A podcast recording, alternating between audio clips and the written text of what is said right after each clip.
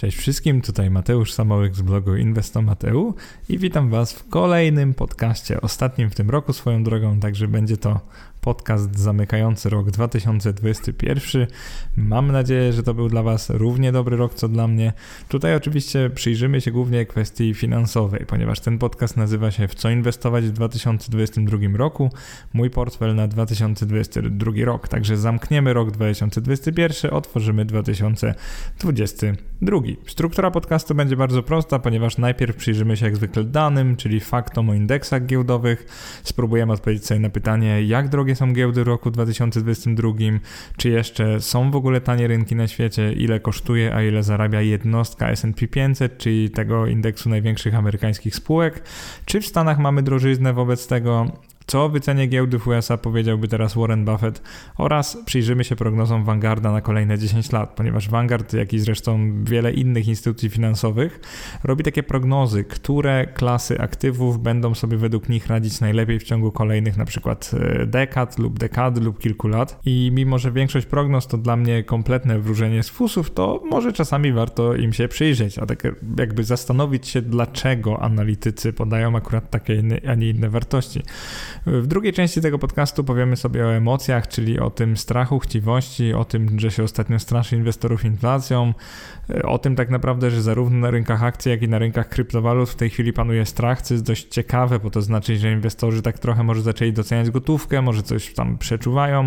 Oczywiście zwykle w momentach, kiedy już ludzie się boją, wcale nie ma największych kryzysów, to też historia pokazuje, ale może warto się zastanowić, dlaczego ludzie się boją.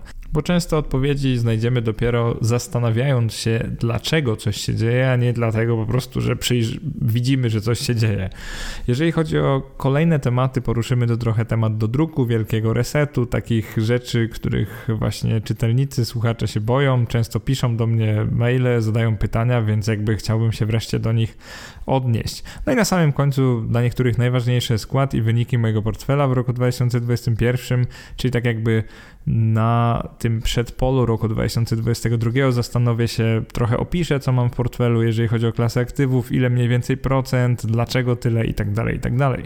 No i oczywiście główne pytanie, w co inwestować w 2022 roku, to też będzie dużo dojrzalsza odpowiedź niż zwykle Wam udzielałem, ale zaraz zobaczycie, poczujecie o co chodzi.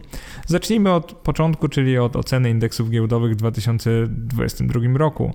Przede wszystkim warto przyjrzeć się tej wycenie, czyli jak zwykle słynny słynnemu wskaźnikowi ceny do zysku. Ale pamiętajmy, że ten wskaźnik nie jest idealny. Zanim w ogóle zaczniemy jakąkolwiek analizę, pamiętajmy po pierwsze, że on występuje w dwóch wariantach.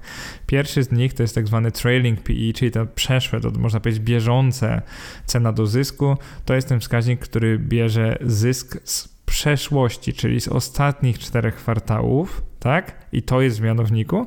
Jeżeli chodzi o licznik, to jak zwykle to jest po prostu cena. Cena jednej jednostki indeksu, jednej akcji lub jednego certyfikatu ETF. W tym przypadku, jak oceniamy indeksy, to oczywiście będzie wartość indeksu, cena indeksu w danej walucie, tej walucie, w której on jest prowadzony, notowany. Więc to jest licznik.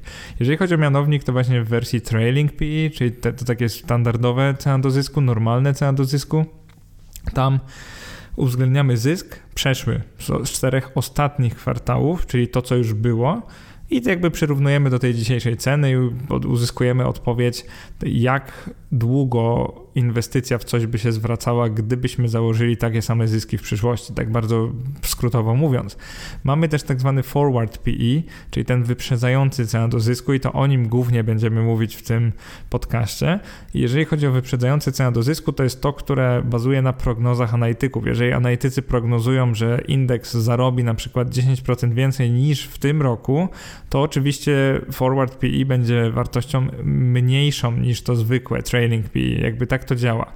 Natomiast problem z tym forward PE, to bardzo ważne, żeby to rozumieć, to jest to, że on opiera się na podatnych na błąd i niską precyzję prognozach. To są po prostu, to jest konsensus analityków, więc jeżeli mamy 100 analityków, no to gdzieś średnio oni przepowiedzą, że S&P 500 czy jakikolwiek indeks zarobi jakąś wartość, więc pamiętajcie, że forward PE ma to do siebie, że korzysta z prognoz, czyli równie dobrze w ciągu roku może być zupełnie inaczej, więc to bieżące, bieżąca cena do przyszłego zysku może jakby sklejać się w zupełnie inną liczbę niż się skleja. Mam nadzieję, że rozumiecie o co mi chodzi, ten mój taki trochę złożony wywód. No ale dobrze, zacznijmy od takiego zarysowania kontekstu. W tej chwili warto by spojrzeć na tabelę, która jest we wpisie. Tam mam akurat wskaźniki wyprzedzającej ceny do zysku, czyli forward PE dla wielu indeksów światowych. Zacząłem w ogóle od MSCI ADSV, to jest ten indeks na cały świat. No i co tu widzimy? Widzimy przede wszystkim to, że w grudniu 2021 roku ten wskaźnik jest około 18. I teraz czy to jest dużo, czy to jest mało? Jeżeli wzięlibyśmy ostatnie, weźmy nawet ostatnie, powiedziałbym 2-3 lata, no to widzimy, że on już bywał wyżej, czyli jakby indeks był droższy, ponieważ na przykład w czerwcu 2020 roku był on około 20, wynosił on około 20. Natomiast nie trzeba szukać daleko, bo na przykład w grudniu 2018 roku ten wskaźnik wynosił 13 dla MSCI ASV, czyli jakby widzicie, że rynki, które były faktycznie okazjami, wygląda to, że światowy rynek jako całość mógł być uznawany za okazję wobec tych prognoz analityków w roku 2018 pod koniec. Natomiast to zostało się później, tam jest dość dynamiczny wzrost. W czerwcu 2020 mieliśmy właśnie około 20 ten wskaźnik, teraz wynosi 18. Czy to samo w sobie coś nam mówi? To nam mówi, że to jest dość znacznie powyżej średniej historycznej. Akurat dla AZWI, jakbyśmy ją przeprowadzili, wynosiłaby mniej niż 12, jeżeli wcześniej dobrze sprawdziłem. I teraz największą komponentą, największą częścią indeksu MSCI AZWI są oczywiście Stany Zjednoczone, które wynoszą tam w tej chwili 60% udziału. Tyle to są w indeksie światowym Stany. I one same w grudniu 2021 roku, czyli teraz, warte albo raczej wyceniane są na 22,5 tego forward P 22,5 jak na forward PE to jest dość dużo, bo tutaj zakładamy wzrost, więc to jest tak jakby to bieżące, cena do zysku wynosi jakoś tak 27 do 29 w zależności od źródła, ponieważ tak naprawdę jak zaczniecie sami szukać e, wskaźników cen do zysku, czyli PE dla różnych indeksów, to zobaczycie, że w zależności od źródła one będą przyjmować różne wartości. To też jest trochę dziwaczne, ale niestety trochę chyba każdy inaczej to liczy, e, każda instytucja. Natomiast to, co nas obchodzi, to to, że jaka by nie była instytucja, teraz podają PI na przykład indeksu S&P 500 wynoszące między 26 a 30. Jeżeli chodzi o forward PE dla indeksu całych Stanów Zjednoczonych, to są wszystkie giełdy, wszystkie spółki, wynosi właśnie około 22. To jest historycznie jeden z najwyższych odczytów, to zresztą nie dziwi, bo mieliśmy w tym roku do czynienia z dużym naprawdę wzrostem, jeżeli chodzi o giełdy w Stanach. I teraz pytanie zasadnicze na inwestowanie w przyszłym roku brzmi, czy warto wyjść ze Stanów, czy warto na przykład zainwestować w taki indeks MSCI ADSV minus USA, czyli ex-US. To jest po prostu świat bez USA, tak jakby pozostałe 40% świata. Jeżeli chodzi o wycenę tego indeksu, no to tu mamy teraz 14,5, było już drożej w roku 2020, było około 16, teraz jest trochę lepiej, trochę taniej. No i oczywiście 14,5 a 22 to jest pewna różnica, jednak jak weźmiemy pod uwagę to, że inwestorzy po prostu czują o wiele większą pewność inwestowania w Stanach, patrzcie regulacje, patrzcie stabilne dywidendy od wielu lat, patrzcie aż 65 arystokratów dywidendowych, czyli te spółki, które od 25 lat nie dość, że płacą, to te dywidendy wzrastają wzrastają z czasem. Więc widzimy, że reszta świata po prostu jakościowo jest przez inwestorów gorzej, mniej ceniona niż Stany i to ma jakieś tam pewne swoje podłoże. Jeżeli spojrzymy teraz na rynki rozwinięte, takie jak Japonia, Kanada, czy na przykład strefa euro lub Wielka Brytania, to zobaczymy, że ich wyceny właśnie są pomiędzy tak, tego, tego wskaźnika cen do zysku wyprzedzającego 12 a 15. Tutaj najdroższa jest strefa euro, to jest około 15, najtańsza jest Wielka Brytania, to jest około 12, także pewnie mamy tu jeszcze te lęki związane z Brexitem i pewne obawy inwestorów, że jakby w kolejnych latach będzie nie lepiej, a gorzej dla spółek brytyjskich. Japonia i Kanada wskaźnik między 14 a 15 w tej chwili, także jest dużo taniej niż Stany, ale dalej ten wskaźnik jest taki, powiedziałbym, przeciętny. On nie jest tani, nie jest drogi, jest taki gdzieś no, przy długoterminowej średniej. Także to wygląda na to, że ten rynki rozwinięte poza Stanami są jednak trochę tańsze. I ostatnia e, kategoria, czyli rynki wschodzące, emerging markets, e, tutaj wyceniane są w tej chwili na 12,6 i tak naprawdę jest to równie tanio jak na przykład w czerwcu 2019 roku, gdzie to było, no, no dobrze, może trochę drożej, bo tam było 11,6 cen do zysku tej wyprzedzającej. Najdroższe rynki wschodzące były w grudniu 2020 roku. Zresztą pewnie pamiętacie, tam był taki duży rajd Chin i później jakby na początku roku 2021 już Chiny nie radziły sobie aż tak dobrze wcale. W zasadzie cały ten rok dla emerging markets był znacznie gorszy niż dla rynków rozwiniętych, czyli dla developed markets, jakby to widzimy. Natomiast na giełdzie często tak bywa, że ci obecni przegrani są przyszłymi wygranymi i odwrotnie, więc jakby nie mamy tu żadnych gwarancji. Natomiast tu chciałem po tej tabeli, żebyście poznali obecne i historyczne wyceny najważniejszych rynków finansowych, czyli najważniejszych indeksów. I akurat do mnie nie trafia za bardzo argumentacja, że skoro to zły czas dla obligacji, to zainwestujmy 100% środków w akcje. To, tak naprawdę może z jednym wyjątkiem. Jeżeli jest to elementem naszej wieloletniej strategii, na przykład GEM, czyli Global Equity Momentum, o, o, której bardzo dużo na przykład Jacek Lempart y, nagrywa, tutaj pozdrawiam, Block System Trader. Możecie sobie zerknąć, bo to jest ciekawa strategia i historycznie mamy dowody, że ona działa, więc jakby jak najbardziej ja kupuję tego typu strategię i pamiętajcie, że wtedy macie konkretny plan. To oznacza, że jeżeli akcje zaczną przynosić stopy zwrotu niższe od obligacji, to wy się po prostu przełączacie na obligacje, czyli reagujecie na zmiany na rynkach, a nie próbujecie przewidzieć. W tej chwili ja akurat tak nie inwestuję, natomiast trafia do mnie bardzo taka filozofia, że po prostu reagujemy na to, co się dzieje, zamiast starać się przewidzieć. Brzmi to mądrze, historia pokazuje, że to działa, więc jakby nie mam nic przeciwko.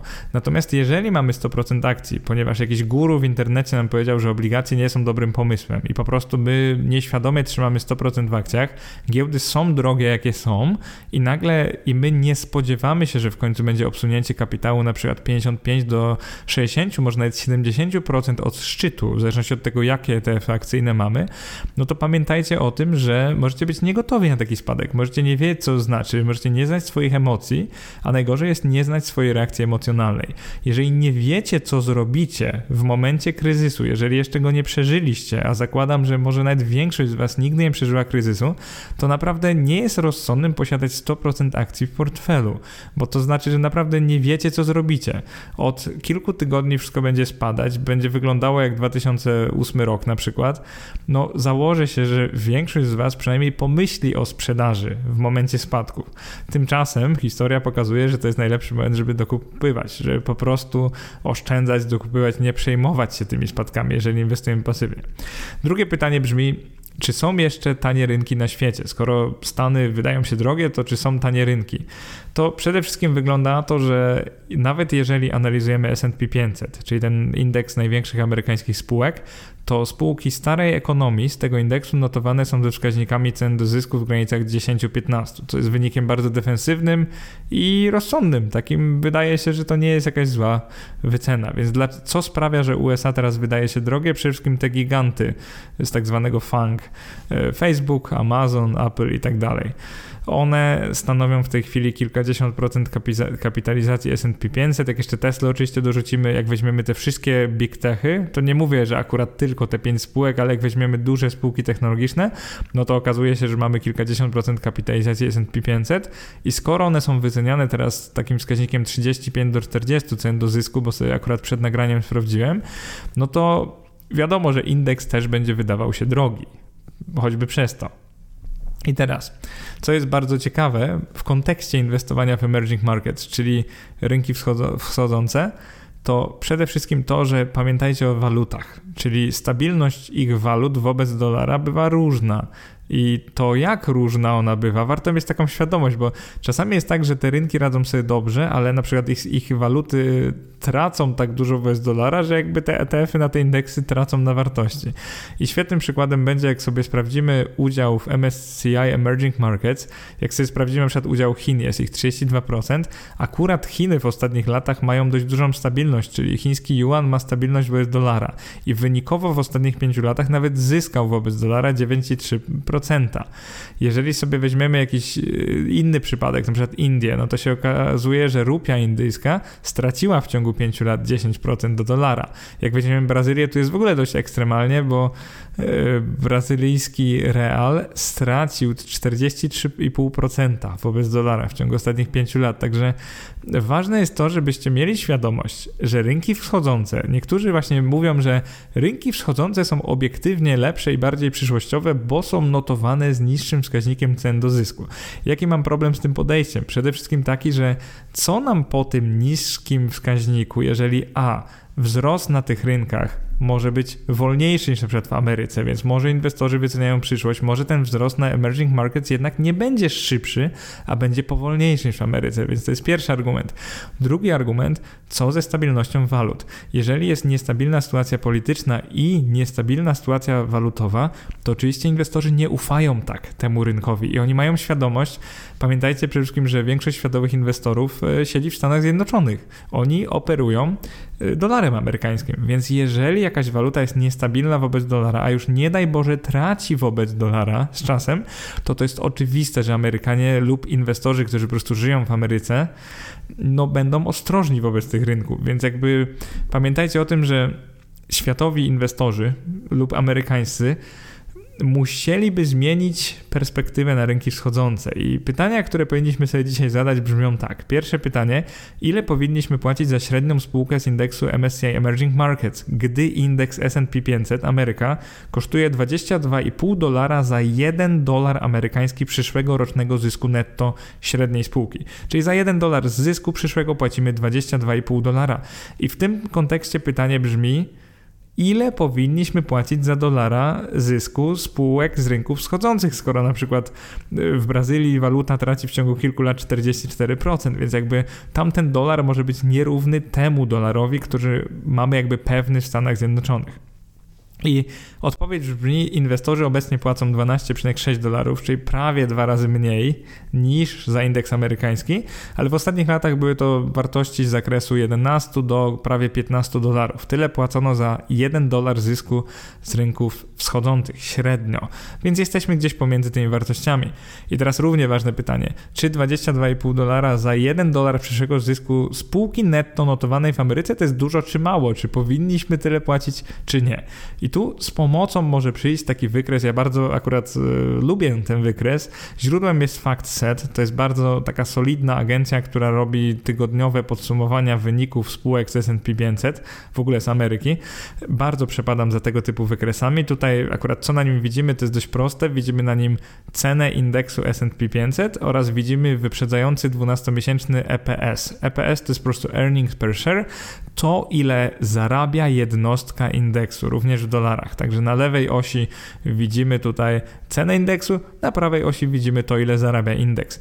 I teraz co może interesować osoby, które słuchają tego jako podcast, na przykład nie oglądają na YouTube, przede wszystkim może Was zainteresować to, że teraz poziom indeksu to jest około 4600, tyle dolarów jakby kosztuje jedna jednostka S&P 500, a ten indeks zarabia, a przynajmniej będzie zarabiał za rok jakieś 220 dolarów. Także kupujemy za prawie 5000 coś, co zarobi no 200 powiedzmy 220-230 dolarów. Także tak jakbyśmy kupowali firmę z takim wskaźnikiem cen do zysku, właśnie tak jak mówiłem, 22-23 gdzieś. I bez kontekstu tak naprawdę ta wiedza jest nic nie warta, więc może powinniśmy spojrzeć na pewien kontekst. Bierzemy przykład czas przed pandemią, czyli koniec roku 2019. Wtedy mieliśmy taką sytuację, że indeks kosztował, S&P 500 kosztowało jakieś 3100 dolarów. Natomiast zarabiało, miało zarabiać w przyszłości 180 dolarów. Więc płaciliśmy za zarobek 180, płaciliśmy 3000. I teraz mamy taką sytuację, gdy za zarobek 220 przy dość dużym wzroście, ale mimo wszystko 220 płacimy no niedługo 5000 dolarów, przynajmniej na to wygląda. Więc sposób taki obiektywny, nawet nie patrząc na ten wykres, można powiedzieć, że no, płacimy za ten zysk coraz to drożej. Jeszcze lepszego kontekstu mogę Wam dodać, jeżeli powiem, że w roku 2011 jednostka S&P 500 kosztowała około 1200 dolarów. Można założyć 1200 dolarów, natomiast ten indeks zarabiał mimo wszystko ponad 100 dolarów. On zarabiał 120, więc za 1000 mieliśmy prawie 120 dolarów, przynajmniej tego przyszłego zysku indeksu. Więc zauważcie, że można na tej podstawie obiektywnie twierdzić, że pewne okresy w historii tej giełdy są tańsze niż inne. I teraz ten no, nie wygląda do tańszych. Jeszcze lepiej to widać, jeżeli sobie w tabeli narysujemy poziom indeksu S&P 500, a jego zysk netto wyprzedzający. I jak sobie po, po prostu sami policzymy to wyprzedzające cena do zysku, czyli po prostu forward PE, no to okaże się dokładnie to, co mówiłem, że w latach 2010, 11, 12 indeks był tani, wyglądał na tani przynajmniej, tak na papierze. Bo pamiętajcie, że te zyski to też jest jakby, to są papierowe ze sprawozdań, y, natomiast nie wiemy do końca jaki jest, ponieważ tym spółki mogą manipulować. Natomiast ja zakładam, że skoro tam jest 500 spółek jeszcze dużych uznanych, to większość z nich nie manipuluje, więc te wskaźniki są raczej ok i raczej można je w ciągu ostatniego dziesięciolecia porównywać. Wygląda na to, że kolejne lata, ten 13, 14, 15, 16 były takie, że oceniłbym ogólnie średnio wycenę indeksu S&P 500. Później 2017 już wszedł w taką drożdżę drożyznę, 18 trochę znowu staniało. Można powiedzieć, że w zasadzie to spółki zaczęły więcej zarabiać, a indeks po prostu się nie ruszył, więc dzięki temu było takie wrażenie, że jest trochę taniej. Jeżeli chodzi o ostatnie dwa lata, czyli 2020 i 2021, no to jakby mamy bardzo drogo. Historycznie to są jedne z najdroższych lat e, tej giełdy i oczywiście warto patrząc na tę tabelę zrozumieć jedną rzecz, że skoro indeks zarabia na jednostkę na przykład 190 albo 205, tyle ma zysku na akcję, już tego w tym przypadku mamy ten już osiągnięty, to 205, to pomyślmy sobie w ten sposób.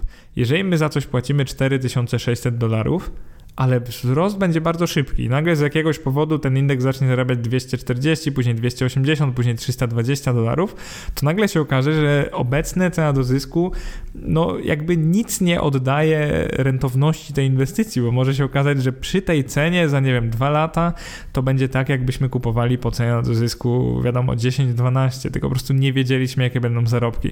I właśnie taki jest największy problem wskaźnika ceny do zysku.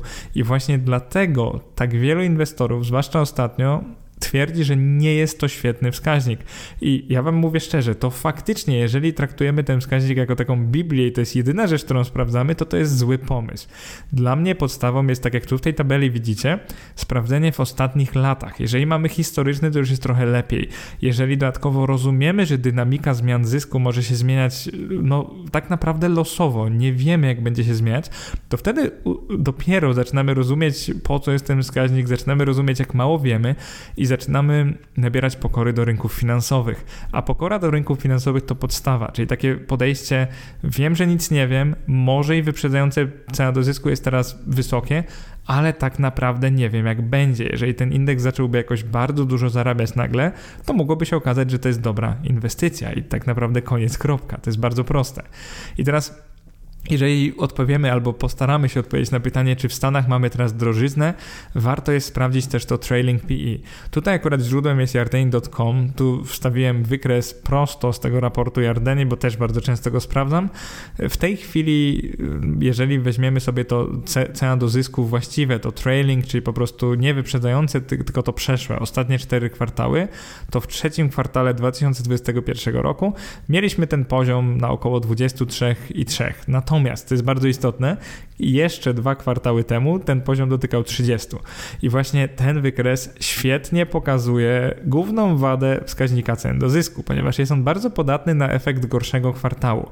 Jeżeli chwilowo mamy takie drastyczne obniżenie wyników spółki lub indeksu, to będziemy mieli dokładnie ten efekt, co na wykresie.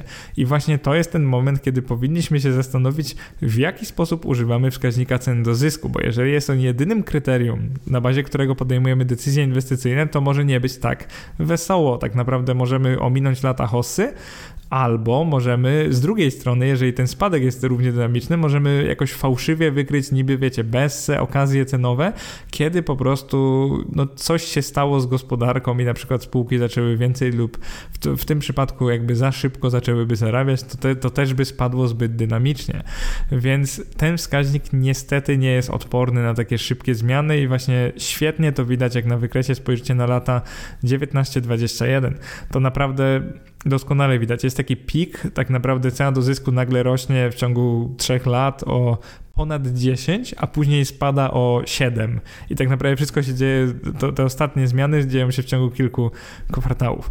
Więc to jest bardzo, bardzo istotne, żeby to rozumieć. I teraz pytanie brzmi, Czy cena do zysku w wysokości 23,3 tyle wynosiło w trzecim kwartale pod koniec roku 2021, bo już jesteśmy trochę e, dalej i indeks jest trochę droższy niż wtedy był, to jest to już bliżej 26-28 w zależności od źródła. I teraz pytanie brzmi, czy taka wycena amerykańskich akcji jest problemem? Moim zdaniem może nim być, natomiast nie ma osoby, która wie, jak będzie. Dlatego kolejnym wskaźnikiem, który lubię oceniać, ale też ma swoje wady i o tym powiem, jest tak zwany Buffett Indicator, wskaźnik Warrena Buffetta. On jest o tyle prosty, że no Buffett Indicator to bazuje na wycenie całego rynku amerykańskiego, wszystkich spółek amerykańskich, które są notowane na giełdzie, to jest Wilshire 5000, 5000 i porównuje go do PKB, czyli tego jakby ile wytwarza cały kraj, można powiedzieć. I ten wskaźnik, jak spojrzymy sobie na wykres, też pokazuje wyraźnie, że jesteśmy no, wysoko ponad historyczną linią trendu. Jak wysoko? Pewnie gdzieś podobnie jak w roku 2000. Oczywiście to też nie jest idealny wskaźnik i teraz wam opowiem, dlaczego on nie jest idealny, bo można by wieszczyć kryzys na jego bazie, albo przynajmniej ochłodzenie, bo może nie kryzys, ale przynajmniej, że ten wzrost jakoś spauzuje, albo nawet będą lekkie spadki, ale dlaczego on nie jest idealny? Po pierwsze, Wilshire 5000, jak każdy indeks giełdowy, jest trochę ograniczony, czyli mimo, że ma za zadanie śledzić zmianę wartości wszystkich amerykańskich spółek giełdowych, to w praktyce dzisiejszy Wilshire nie jest tym samym, co wczorajszy Wilshire. No i co mam na myśli? Niby to jest oczywiste, ale składy indeksu giełdowego się zmieniają. A skoro porównujemy coś do PKB, czyli jakby mocy wytwórczej całej gospodarki, w tym przypadku Stanów Zjednoczonych w danym roku, to warto by było to coś w miarę statycznego. I wyjaśnię to na przykładzie, który mam nadzieję zrozumiecie. Jeżeli w roku 1970 na giełdzie w jakimś wirtualnym kraju, nie mówię o Stanach, notowanych byłoby na przykład 100 firm i one by odpowiadały za 15% łącznej wartości dodanej gospodarki, czyli można powiedzieć, że te 100 firm wytwarzałoby 15% PKB, tak na szybko. I po 30 latach możemy mieć na przykład w tym samym kraju na giełdzie notowanych 300 firm, które odpowiadają już za 45% tej mocy produkcyjnej, czyli trzykrotnie więcej niż 30 lat wcześniej. I, czy wo- I pytanie brzmi, czy wobec tego budując wskaźnik Buffetta dla takiego indeksu, nie będziemy trochę porównywać gruszek z jabłkami między tymi 30 latami, ponieważ jeżeli liczba notowanych na giełdzie spółek i ich wkład w całkowitą ekonomię się zmienia diametralnie, to mamy coś takiego, że nie możemy porównywać Buffett Indicatora takiego dla tego kraju między takimi skrajnymi latami. Po prostu chodzi mi o to, że poziom indeksu giełdowego siłą rzeczy jakby będzie szybciej rósł, będzie wyżej, jeżeli zaczniemy dodawać tam e, spółki, które są lepszymi spółkami niż te, które były, były wcześniej. Mam nadzieję, że nie zakręciłem za bardzo, ale chcę wam po prostu pokazać pewną zależność, że jak porównujemy giełdę do PKB, Musimy pamiętać o tym, że giełda się zmienia. Czasami spółki są delistowane, czyli znikają z niej, czasami nowe przychodzą i tak jakby dzisiejszy indeks nie zawsze jest ty, tym, co, czym był wczorajszy i to jest bardzo istotne do zrozumienia. Dlatego to, że Buffett Indicator teraz wynosi te no, 213, to jest to ratio, czyli po prostu stosunek wartości giełdowej, kapitalizacji wszystkich spółek w Stanach do PKB. Stanów. Więc to jest wysoko, ponieważ czasami mieliśmy wartości około 100%, akurat ostatnio w roku tam 2011-2012 i wtedy zwykle jest takie fair value, że dobrze, w miarę tanio kupujemy taki indeks. Natomiast teraz no też wygląda, że jest drogo.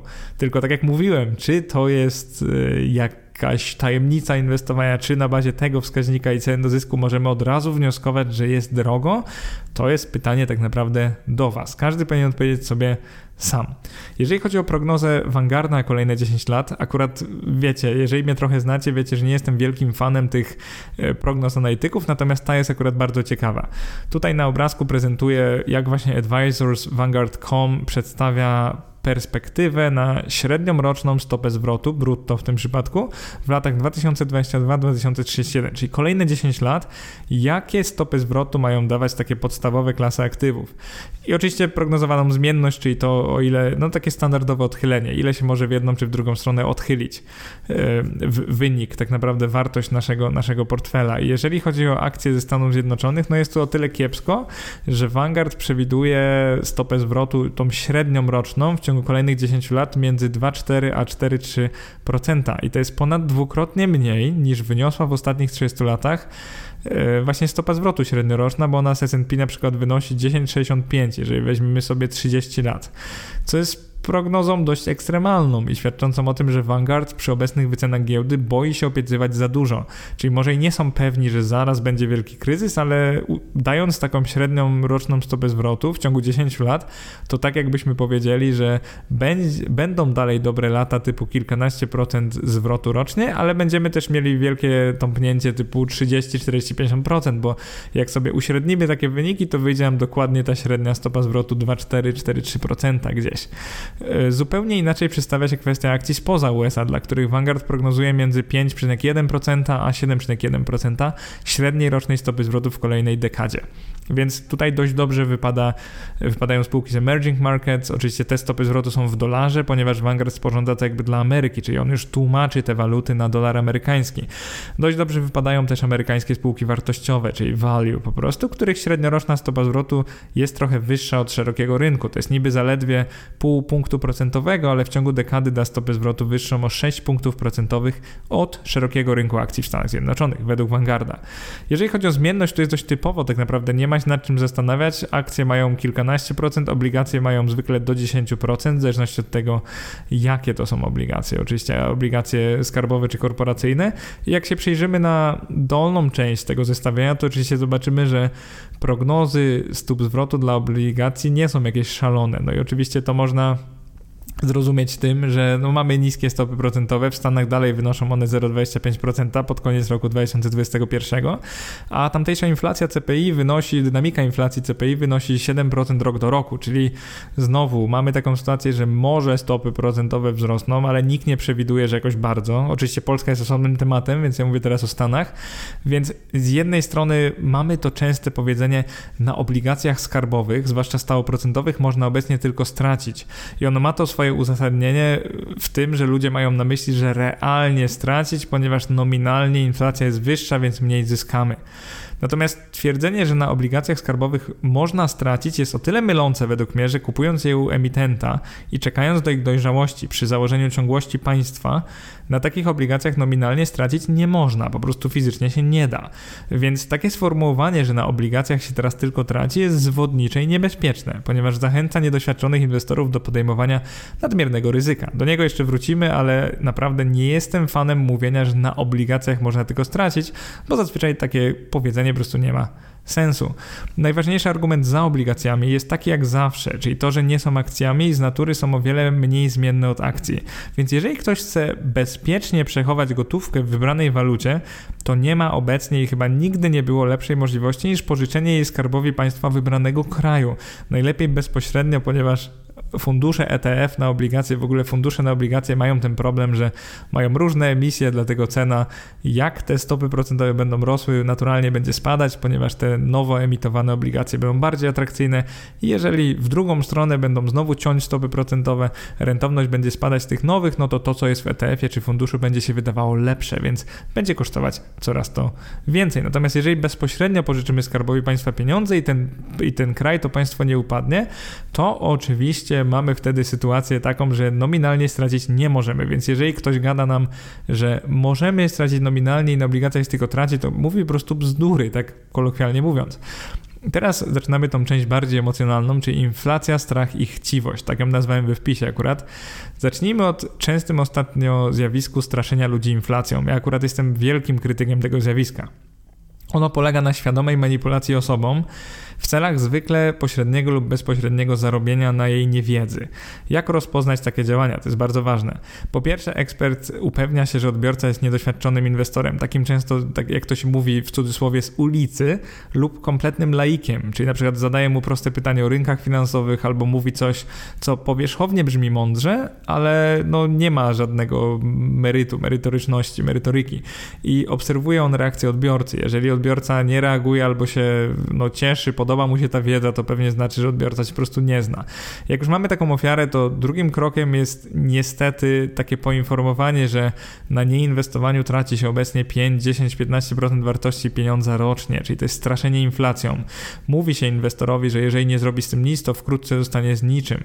I jeżeli dalej to nie działa, to ekspert zawsze może postraszyć jakąś hiperinflacją, konfliktem zbrojnym, scenariuszem cypryjskim, no czymkolwiek. Po prostu chodzi o to, że bazuje na emocjach tej niedoświadczonej osoby.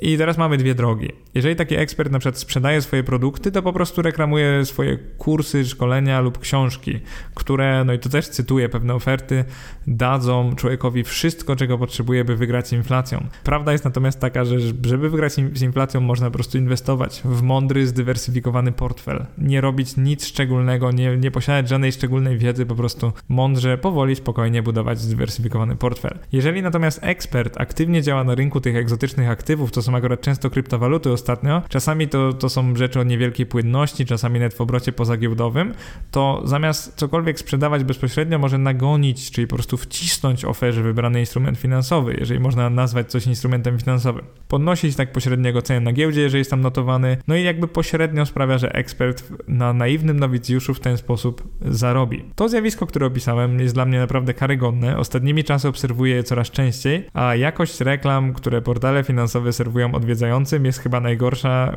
jaką widziałem kiedykolwiek. I większość takich reklam tak naprawdę traktuje albo opowiada o modelach właśnie takiego ryzykownego, szybkiego zarobku.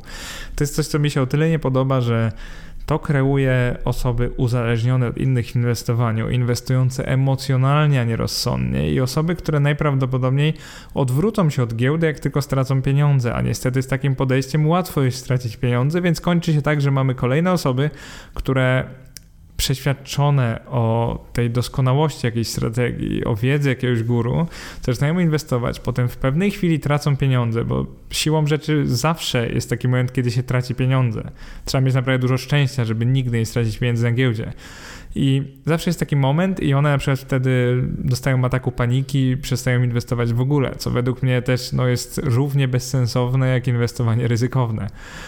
Jeżeli chodzi o o takie praktyki, to oczywiście uważam, że może nawet powinny być w jakiś sposób zdelegalizowane. Oczywiście ciężko jest prześwietlić każdego opowiadającego o giełdzie, natomiast to, o co mi chodzi, to to, że no, niektóre są po prostu jawnym jakimś oszustwem, sprzedawaniem ludziom no, słabych produktów, więc jakby umówmy się, że rozsądni, długoterminowi inwestorzy nie potrzebują tego, a taka metoda typu na wnuczka, czyli na wywołanie strachu przed inflacją, najczęściej powoduje słabe decyzje inwestycyjne i na tym tak naprawdę możemy poprzestać. Jeżeli chodzi o emocje na rynkach akcji, obecnie mamy strach zarówno na rynku akcji, jak i kryptowalut. To w tle mogę pokazać tak zwany Fear and Greed Index, czyli jakie emocje teraz e, są na rynkach. Jeżeli chodzi o akcje, no to rok temu było nieźle, mieliśmy chciwość, teraz mamy strach. Tam odczyt koło 25, nie jest to najgorzej historycznie, ale nie jest to jakoś najlepiej. Akurat tutaj liczby są za 20 grudnia, 20 grudnia, natomiast ostatnio faktycznie ludzie, inwestorzy nie spodziewają się już nie wiadomo jakich zysków, wzrostów, raczej się boją, że zrobiło się drogo. Niski odczyt nie zawsze jednak świadczy o tym, że będzie źle. Po prostu świadczy o tym, że inwestorzy raczej ostrożnie podchodzą do obecnych wycen na rynkach akcji i są świadomi, że na przykład podwyżka stóp procentowych przez Fed, jeżeli by nastąpiła kiedyś w przyszłym roku i idący za nią wzrost rentowności obligacji tych z USA, to może przedstawić e, bądź co bądź zmienne akcje, które jeszcze będą wtedy drogie, w mniej atrakcyjnym świetle, czyli część inwestorów może się po prostu przenieść na obligacje, a jeżeli tacy inwestorzy się przenoszą, to oczywiście muszą akcje sprzedać, co wpływa na ich wyceny. To po prostu sprawia, że akcje tanieją. I teraz, żeby być trochę bardziej nowoczesnym, zdecydowałem się też przedstawić Wam Fear, and Greed Index dla kryptowalut. On jest wykonywany nie przez CNN, a przez taką stronę Alternative Me. I tu jest dość ciekawie, bo zauważycie po pierwsze, że historyczne wartości nie są tak jak w przypadku akcji. Tam był akurat rok, tydzień, miesiąc i e, no ostatni, ostatnie zamknięcie, czyli ostatni dzień. Tu mamy w danej chwili, wczoraj, w zeszłym tygodniu i w zeszłym miesiącu. I tutaj tak żartobliwie powiem, że raport się różni tym, że mamy zupełnie inny horyzont inwestycyjny, także tu inwestorzy w krypto wprost mówią, że miesiąc to jest dla nich długi termin w pewnym sensie, skoro porównują do miesiąca temu. I jeżeli chodzi o ten odczyt 27 jest bardzo podobny jak odczyt do akcji, co świadczy o pewnej takiej no, korelacji, która się buduje, pozytywnej korelacji, dodatniej korelacji między obydwoma odczytami, czyli pokazuje, że jeżeli inwestorzy boją się akcji, to też się boją teraz kryptowalut, że tak naprawdę może zaczynają się bać czegokolwiek, co nie jest gotówką mam na myśli tą fiducjarną. E, bawią mnie trochę te indeksy, ponieważ bazują one na decyzjach jednych inwestorów, a wpływają na decyzje kolejnych, ponieważ te odczyty są budowane e, na bazie różnych wartości. Tłumaczyłem o nich e, bardzo dużo i dobrze w ostatnich wpisach, podcastach portfelowych, także jeżeli jesteście ciekawi, to macie tam całą zasadę działania. Link do ostatniego wpisu portfelowego jest po prostu w tym wpisie portfelowym, więc jeżeli otworzycie sobie na moim blogu ten wpis, to jest w opisie tego filmiku lub podcastu, to bez problemu znajdziecie ten e, wpis poprzedni i tam jest taki efekt. Natomiast to jest dla mnie taki efekt domino z kolei, bo jeżeli niektórzy się boją, na przykład sprzedają akcje albo no, zabezpieczają się opcjami przed spadkami, to jest taki efekt, że ten wskaźnik wtedy spada. I jeżeli on jest nisko, to inni zaczynają się bać. Czyli tak jakby kreuje to pewne trendy, zarówno wzrostowe, jak i spadkowe, które przyspieszają i pogłębiają się coraz bardziej. I teraz pytanie brzmi, czy rozsądny inwestor długoterminowy, jak mam nadzieję ja i ty, w ogóle powinien się przejmować takimi odczytami? No i powiedziałbym, że niekoniecznie. Warto jest wiedzieć, gdzie teraz jesteśmy, warto jest wiedzieć, czy inwestorzy teraz mają tendencję do chciwości czy strachu, ale głównie po to, by stać się bardziej odpornym na takie straszenie i manipulacje innych ludzi, innych inwestorów. Czyli żeby to sprawiło, że nasze decyzje będą bardziej przemyślane i bardziej oparte oparte na danych i faktach, a nie emocjach, a zwłaszcza nie na emocjach innych ludzi. Kolejne dwa pytania do podcastu to jest, czy dodruk jest dużym problemem? Nic tak nie pobudza wyobraźni jak strach, a strachem można prosto kontrolować masy. Abstrahując od tego, czy dodruk jest zjawiskiem takim nadużywanym, bardzo często poruszanym w sferze publicystyki finansowej, czy nie, chciałbym krótko tylko odnieść się do dwóch bardzo emocjonalnych kwestii, właśnie do dodruku i tak zwanego wielkiego resetu. Zacznijmy od tego pierwszego. Czym jest w ogóle dodruk, czy kreacja nowego pieniądza? On tak naprawdę był z nami od wielu dziesiątek lat i każdy kraj, który był i jest emitentem własnej waluty, mógł bez bezproblemowo to robić, czyli po prostu drukować nowe pieniądze. Tak naprawdę jest to element zwykłej polityki monetarnej. Jakby prawie każdy kraj to robi. Mam na myśli te, które są emitentami swoich walut. Oczywiście tak długo jak znaleźli się ludzie chętni pożyczać mu również pieniądze, czyli ta waluta była wiarygodna. I jeżeli te pieniądze były już w obiegu, to oczywiście emitując zwykle obligacje, chce się te pieniądze, które są już w obiegu, żeby pożyczono rządowi, można powiedzieć. Więc tak długo jak państwo zachowywało wypłacalność i wiarygodność w oczach kredytodawców, to można było drukować i teraz, jeżeli zobaczymy sobie ilość waluty w obiegu dla Stanów i później zobaczymy sobie dynamikę rok do roku wzrostu tej ilości waluty w obiegu, no to gołym okiem zobaczymy, że od lat 60. ilość pieniądza w obiegu wzrastała w ujęciu rocznym o średnio 5-6% w każdym roku, a to już jest kilkadziesiąt lat. I to, że w pandemicznym roku 2020 wzrosła o 15%, z jednej strony jest bardzo wysokie historycznie i faktycznie jest takim przyspieszonym dodrukiem, z drugiej strony jest znamienne dla każdego praktycznie kraju świata, który zarządził lockdown, czyli który na kilka miesięcy wyłączył część gospodarki, można powiedzieć, z użycia, czyli spodziewał się niższych podatków, co jest oczywiste Mam na, mam na myśli niższych wpływów podatkowych oczywiście, a nie niższych stawek podatku, no ponieważ jak zamkniemy firmy, to siłą rzeczy mamy niższe wpływy podatkowe. Druga sprawa, że rządy aktywnie chciały te pieniądze jakoś redystrybuować do zamkniętych biznesów. Czy to jest słuszne, czy nie, to jest zupełnie inny temat. Teraz się skupiamy na tym, że to robiły. Co sprawiło, że tego do druku musiało być więcej, musiał być szybszy. I teraz znowu, nie jest to gospodarczy podcast, ani polityczny. Natomiast co jest oczywiste, to to, że dzięki dodrukowi udało się faktycznie uratować niektóre firmy przed upadkiem, a niektóre osoby przed utratą pracy, ale ceną, którą wszyscy teraz płacimy za to zjawisko na świecie tak naprawdę jest podwyższona inflacja. Tego jak długo to potrwa, tak naprawdę nie wiemy. Także nikt nie potrafi zgadnąć, do jakiej wartości dojdzie inflacja na której walucie. Natomiast jednym z czynników, dlaczego ona się pojawiła taka wysoka, jest oczywiście ten dodruk. Jeżeli państwo ma pieniędzy więcej się sztucznie ludziom daje, oni konsumują, to że oczywiście ceny produktów i usług yy, no, rosną. Oczywiście inflacja nie jest powodowana teraz tylko dodrukiem. To jest też istotne, że na przykład te słynne przerwy w łańcuchach dostaw, czyli to, że przez kilka miesięcy na przykład nie było produkcji danego materiału, tworzywa, produktu, więc oczywiście, że teraz mamy zawyżone ceny niektórych produktów także przez to i na przykład zamówienia są dużo wyższe niż podaż, więc oczywiście, że można podnieść ceny, więc jakby to, to, jest, to są naprawdę podstawy ekonomii. Natomiast e, co jest ważne dla nas jako inwestorów? Znacznie lepiej jest przechowywać środki w obligacjach antyinflacyjnych, czy na przykład COI i EDO, a dopiero później brać się za inwestowanie, niż rzucać się od razu na giełdę z bagażem emocji praktycznie bez wiedzy. Dlatego dla mnie takie straszenie dodrukiem i mówienie ludziom, że inwestujcie w akcje, ponieważ przez dodruk będzie zaraz hiperinflacja i na przykład nie wiem, obligacje będą nic nie warte i tak dalej, i tak to moim zdaniem no nie jest to właściwa droga, nie dla Polski przynajmniej. Dlatego tak bardzo potępiam wykorzystywanie strachu przed dodrukiem oraz zawyżoną inflacją jako narzędzia do namawiania ludzi na ryzykowne i zwykle no, kiepskie, zwodnicze, oszukańcze produkty inwestycyjne, które pieniądze zarabią tylko dla tych sprzedawców i autorów, którzy o tym piszą, ale niekoniecznie dla klientów, których można by nazwać wręcz oszukanymi, oszukiwanymi, tak mówiąc wprost. Drugi taki temat bardzo głośny ostatnimi czasy to jest wielki reset. Czym jest wielki reset? Rządy globalne, gigakorporacje, brak fizycznego pieniądza w obrocie, czyli gotówki, mm, pełna kontrola każdego obywatela. Czyli teoria jest taka, że rządy, ale może jakiś rząd światowy chce mieć pełną kontrolę nad każdym e, obywatelem. Orwell dość dużo o tym pisał, jeżeli czytaliście. Akurat jestem dużym fanem tych książek. Tak, w skrócie można przedstawić wizję świata według niektórych, i w tym świecie wolność nie jest już na pierwszym miejscu, a takie głupie i łatwe do oszukania owieczki, takie nazwijmy, to są takie ofiary, to są, to jest, to jakby nimi są, jesteśmy my, czyli zwykli ludzie. Jesteśmy po prostu trybikami systemu, którzy są w pełni kontrolowani. I niezależnie od tego, czy teoria wielkiego resetu jest ci bliska, czy traktujesz ją jako taki spiskowy nonsens, to warto może zastanowić się nad możliwą taką finansową reakcją na podobny przebieg wydarzeń.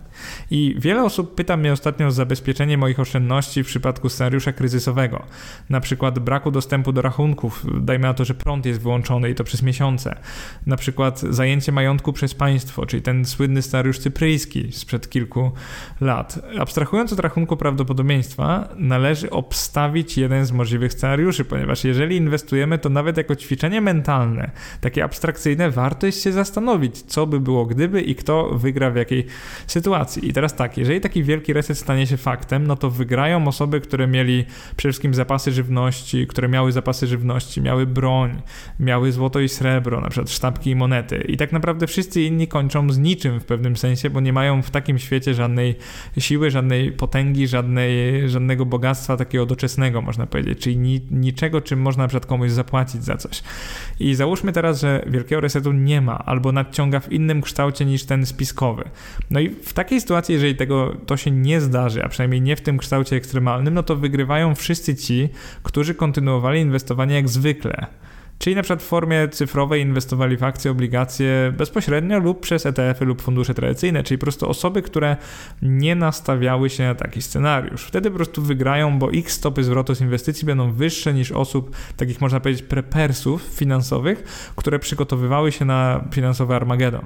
I zasadniczym pytaniem jest zatem, czy nie zastosować starego inwestycyjnego prawidła, czyli zamiast na siłę przesadnie zamartwiać się możliwym końcem świata, jaki znamy, po prostu nie dywersyfikować ryzyka. Czyli na przykład zakładamy, że prawdopodobnie nie wydarzy się wielki reset, jaki opisują e, zwolennicy teorii spiskowych, a na przykład scenariusz miękki, czyli po prostu część tego wielkiego resetu się wydarzy, więc w razie czego może warto być w posiadaniu pewnej ilości fizycznych metali szlachetnych, ale głównie po to, by lepiej spać w nocy, ponieważ gra prawdopodobieństw jest po stronie, przynajmniej na razie, e, tych osób, które jako wielki reset e, no, znają go jako taką teorię spiskową, a nie jako coś, co według nich się zdarzy. Dlatego możemy podejść do tego tak, wiecie, 50-50, może nie do końca, ale możemy mieć zabezpieczenie w razie czego, ale nie budować w oparciu o ideę wielkiego resetu całej strategii inwestycyjnej, ponieważ znowu wpadniemy wtedy w pułapkę i na przykład połową naszego portfela będzie e, złoto i na przykład jakieś rejty z wybranego kraju. I to działa tak, że rejty są, nie wiem, mniej niż 1% wszystkich akcji świata w tej chwili. Więc skończymy w ten sposób, że zbudowaliśmy sobie jakiś taki bardzo egzotyczny portfel, obstawimy sobie dwa konie w gonitwie, akurat mogą wygrać tę gonitwę zupełnie inne konie, więc jakby nasza dywersyfikacja jest niewystarczająca. To, co chcę powiedzieć, to to, że zagrajmy e, właśnie w grę prawdopodobieństw, obstawmy coś, ale zróbmy to rozsądnie, a nie emocjonalnie. Ja jestem świadom, że ten temat jest dla niektórych bardzo emocjonalny, więc zamiast stawać po stronie za lub przeciw tej teorii, staram się do niej podejść zdroworozsądkowo, czyli tak jak zwykle robię. Przede wszystkim skupiam się na tym, co mogę zmienić w swoim życiu, co mogę zmienić w swoim inwestowaniu, jak ewentualnie mogę zabezpieczyć siebie i swoich bliskich, ale stale obstawiam scenariusz kontynuacji obecnej sytuacji jako bazowy. To oznacza, że nie przebudowuję portfela w całości na przykład na fizyczne złoto, tylko ewentualnie uzupełniam nim portfel. Jeżeli czuję się źle, to wtedy może te monety, nawet srebrne, żeby coś mieć, żeby w razie czego komuś zapłacić, jeżeli dojdzie to co do czego. Natomiast nie, można powiedzieć, nie fiksuję się na tym scenariuszu tak, że y, wszystko obstawiam zgodnie z nim. I teraz po tym inwestowaniu emocjonalnym przechodzimy do momentu, kiedy Wam ogłoszę wyniki mojego portfela i jego składu w roku 2021, tak naprawdę u progu roku 2022. Jeżeli chodzi o ten rok, to dużo się zmieniło na lepsze w moim portfelu. Przede wszystkim znacznie częściej stosuję już ETF-y niż poszczególne spółki, także ja powoli dorastam do tego, że duża część mojego portfela chcę, żeby była w ETF-ach. Nie chcę obstawiać konkretnych spółek, coraz bardziej obstawiam indeksy. Nie całym portfelem, bo dalej uwielbiam analizę finansową, żeby nie było, natomiast coraz częściej posługuję się ETF-ami, więc to jest jakby plus tego roku. E, coraz bardziej, coraz mądrzej parkuję gotówkę, czyli niewykorzystaną obecną gotówkę nauczyłem się przechowywać w obligacjach, ponieważ zobaczycie zaraz, że miałem takie kwartały, kiedy po prostu miałem jej za dużo. Więc coraz bardziej mam tą, y, tą świadomość, że przecież mogę mieć na płynnych aktywach, ale nie gotówce. Mm, kolejna rzecz to większa świadomość zjawiska tak zwanego home bias, czyli tego nadmiernego przywiązania do swojego kraju, do swojej waluty. Coraz większą ilością aktywów wychodzę za granicę i jak się zaraz okaże, bardzo dobrze na tym wyszedłem właśnie w tym roku, więc jakby już widzę, że to działa bardzo dobrze dla mnie. Więc uważam, że gdzieś w kolejnych latach mój portfel będzie coraz bardziej w walutach obcych, a coraz mniej w polskim złotym. I myślę, że mam lepszą dywersyfikację właśnie walutową w portfelu, ale też taką geograficzną, że po prostu mam coraz więcej różnych rynków, a nie na przykład tylko spółek polskich, tak jak jeszcze dobre kilka lat temu miałem tylko spółki polskie. I teraz, jeżeli chodzi o wyniki portfela za rok 2021, tutaj we wpisie przygotowałem dokładną tabelę. Jeżeli chcecie wiedzieć dokładnie, w którym kwartale, która klasa aktywów miała jakiś zwrot w moim portfelu, to to publikuję. Tam jest oczywiście Nieco trudne do zrozumienia jest to, że ja podaję tam procent portfela bieżący, tak mniej więcej, tam jest zaokrąglenie tak naprawdę do pełnych piątek, podaję bieżący procent portfela, ale co, no jakby to nie pokazuje ile, jaką się zmieniał w czasie ten udział, to nie jest tak dokładne. Tutaj tylko pokazuje wynik w całym roku, wynik w każdym kwartale. No i jeżeli chodzi o tą tabelę, to przede wszystkim, jeżeli spojrzymy sobie na jej całość, no to moim celem jest 10% brutto rocznie i to już jakby nominalnie, po prostu na marginesie zakładam przeciętną dynamikę inflacji wynoszącą jakieś 2-2,5% rocznie, więc jeżeli uzyskam 10% brutto, to jest dobrze. Tak zakładam średnio rocznie w kolejnych 30 kilku latach. No miejmy nadzieję, że dożyję to nawet 40 kilku, no tyle chciałbym jeszcze inwestować. Teraz mam 32 lata. Jeżeli chodzi o wyniki tego portfela, to przez cały rok akcje polskie przyniosły 26% na plusie, akcje zagraniczne 31% na plusie, to głównie wpływ walut ostatnich miesięcy. Po prostu złoty tak tracił, że wycena samych tych walut obcych w stosunku do złotego jest po prostu kosmiczna, więc jakby na tym zarobiłem bardzo dużo. Surowce i metale szlachetne, mam ich teraz 15% w portfelu, portfelu i to przyniosło mi wynik 12%. To nie był może najlepszy rok dla metali szlachetnych, ale mimo wszystko je trzymam jako coś innego niż akcje i obligacje. Taka jest moja filozofia. Obligacje polskie korporacyjne w tym przypadku przyniosły na razie 5,1%. Większość oczywiście kup odsetki, kupony z tych obligacji, więc liczę taką stopę zwrotu. Nie jest jakoś wiele, ale teraz akurat outlook dla tych aktywów jest bardzo pozytywny, bo WIBOR rośnie. Jeżeli WIBOR rośnie, to one będą płacić kupon nie na przykład 3%, a 7-8%, więc jakby mnie to oczywiście cieszy jako posiadacza obligacji korporacyjnych. To jest dla mnie bardzo dobra wiadomość. Na całym portfelu wynik taki spekulacyjny zmiany wartości to 16,6% na plus, wynik jeszcze jako względnie dywidendy to jest prawie 20%, 19,9%.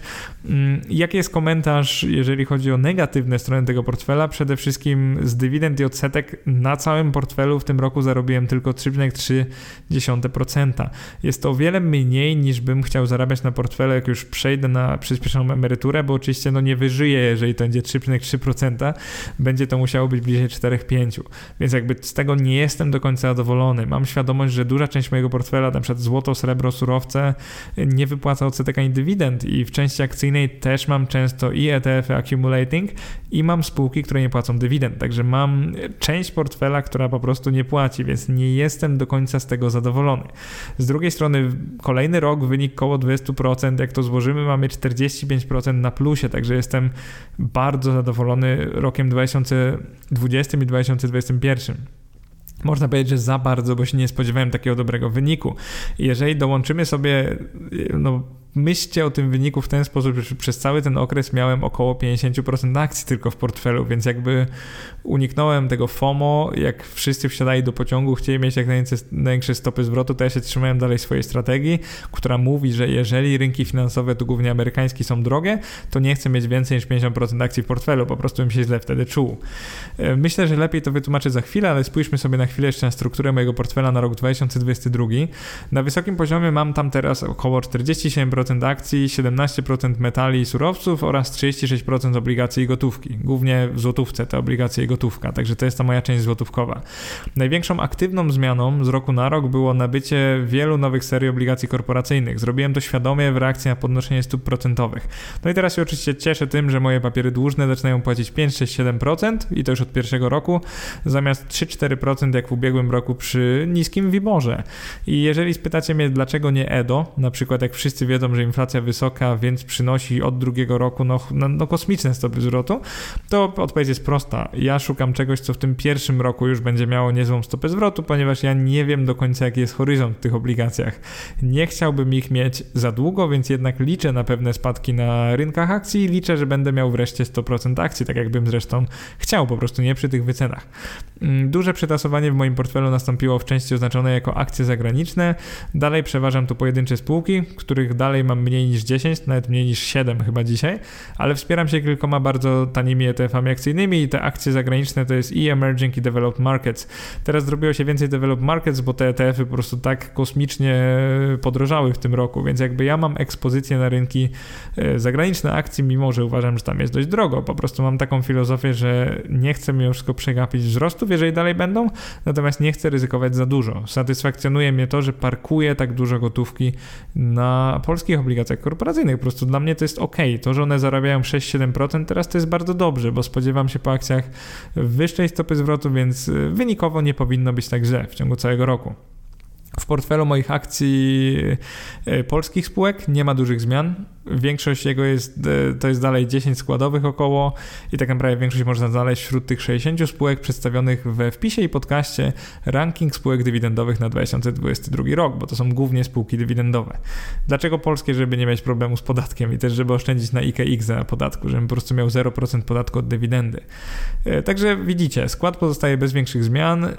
Co jest tak naprawdę znamienne, to to, że większa niż w poprzednich kwartałach obecność akcji wynika raczej z faktu, że wartość tych już, które były w portfelu, w tym roku dynamicznie wzrosła, a ja tak trochę celowo pozostawiam proporcje, jakimi są i nie robię tutaj rebalansingu zbyt wielkiego, stale przyglądając się sytuacji. Czy jeżeli za chwilę będę miał więcej niż 50% akcji, dlatego że one tak podrożały, ja tak trochę celowo teraz rebalansingu nie robię, czyli przeglądam się sytuacji, jest drogo, pasuje mi około 50% akcji w portfelu, nie chciałbym mieć więcej. I jeżeli zadacie sobie pytanie, w co inwestować zatem w 2022 roku, bo tak nazwałem ten podcast, to odpowiem przewrotnie. Jak zwykle każdy musi zdecydować za siebie. Jeżeli chodzi o moje luźne przemyślenia, to są one następujące. Po pierwsze, jeżeli dysponujesz długim horyzontem inwestycyjnym i przeżyłeś lub przeżyłaś już przynajmniej jeden duży krach i wiesz, że kolejny nie będzie ci spędzał snu z powiek, no to równie dobrze możesz mieć 100% środków w globalnym indeksie akcji i niczym się nie przejmować, a na przykład takimi wpisami. Możesz po prostu mieć 100% akcji, inwestować przez kolejne kilkadziesiąt lat i to może dla Ciebie zadziałać dobrze, tak długo jak ich nie sprzedasz w kryzysie. Jeżeli nie przeszkadza Ci nieco bardziej aktywne podejście, to właśnie zachęcałbym do na przykład inwestowania indeksowego, ale w sposób aktywny, tak jak na przykład strategia Global Equity Momentum, czyli GEM. E, tak jak już mówiłem, doskonały wpis i podcast e, na blogu Jacka Lemparta jest o tej strategii. Pewnie też coś w tym temacie napiszę, nagram, bo czemu nie? Ale rozważcie zastosowanie tej prostej, jak pokazuje historia, skutecznej strategii w swoim inwestowaniu, ponieważ jeżeli chcecie dalej ETF-ami, ale tak bardziej aktywnie, czyli trochę pobić rynek, możecie spróbować coś takiego, czyli zamiast przewidywać, możecie spróbować reagować na to, jak po prostu jest na rynkach. Jeżeli dopiero zaczynasz inwestowanie, i nie jesteś pewien swojej inwestycyjnej wytrzymałości, to nie wstydź się prowadzić portfela, w którym na przykład tylko 30 lub 40% stanowią akcje. Także nie wstydź się, że większość swojego portfela są na przykład obligacje antyinflacyjne. O wiele lepiej jest mieć na przykład 50% w akcjach I jak będzie kryzys, to nie uciec z tego rynku, a wręcz dokupywać za obligacje, czyli robić tak zwany rebalancing, niż mieć 100% w akcjach i uciec gdzieś tam, nie wiem, w środku kryzysu, w najgorszym możliwym momencie, a później wracać, jak już wszystko będzie rosło, czyli jakby odwrotnie do pewnej logiki zachowywać. I oczywiście wiemy, że nie ma logiki, jak są emocje i wiemy, że jak spadki są bardzo głębokie, to prawie nikt nie ma przysłowiowych jaj, cojones, żeby wtedy wejść na giełdę, żeby zostać na giełdzie tym bardziej. Natomiast prawda jest taka, że przyszłości nie zna nikt. Wiemy tylko, kiedy jest drogo, wiemy, jest tanio i nie wiemy nic więcej. Może być dużo drożej, może być dużo taniej i tak naprawdę nie wiemy kiedy. I to jest właśnie nasz los jako inwestorów.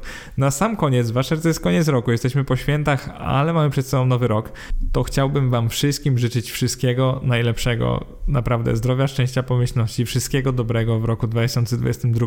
W inwestowaniu również, ale też jako ludzie. Rozwijajcie się, starajcie się coraz więcej zarabiać, starajcie się coraz więcej oszczędzać, dążcie o swoich celów, nie bójcie się mówić też o pieniądzach, to nie powinno być żadne tabu, bo trochę przez to my się na giełdzie nie znamy, po prostu boimy się tego tematu. Mam nadzieję, że mój blog pokazuje Wam, że temat nie jest taki trudny, że da się to ogarnąć i to tak samodzielnie najlepiej i że da się na tym zarobić, a nie stracić w długim terminie. Jeżeli chodzi o życzenia takie inwestycyjne, to po pierwsze ży życzę nam wszystkim wprowadzenia możliwości składania formularza W8BEN w każdym polskim domu maklerskim. To jest ten, który umożliwia niepłacenie 30% podatku u źródła, a 15% u źródła od dywidend z amerykańskich spółek. Bardzo bym chciał, żeby to wprowadzono. Drugie życzenie to jest zniesienie minimalnej prowizji transakcyjnej dla inwestowania zarówno w Polsce, jak i za granicą do zera. To to zrobił w 2020 roku dom maklerski X-Trade Brokers, czy XTB. Póki co żadna inna instytucja nie poszła niestety za tym przykładem. Ja bym oczywiście bardzo nam wszystkim tego życzył, żeby inwestowanie w Polsce było darmowe albo dużo tańsze niż teraz jest.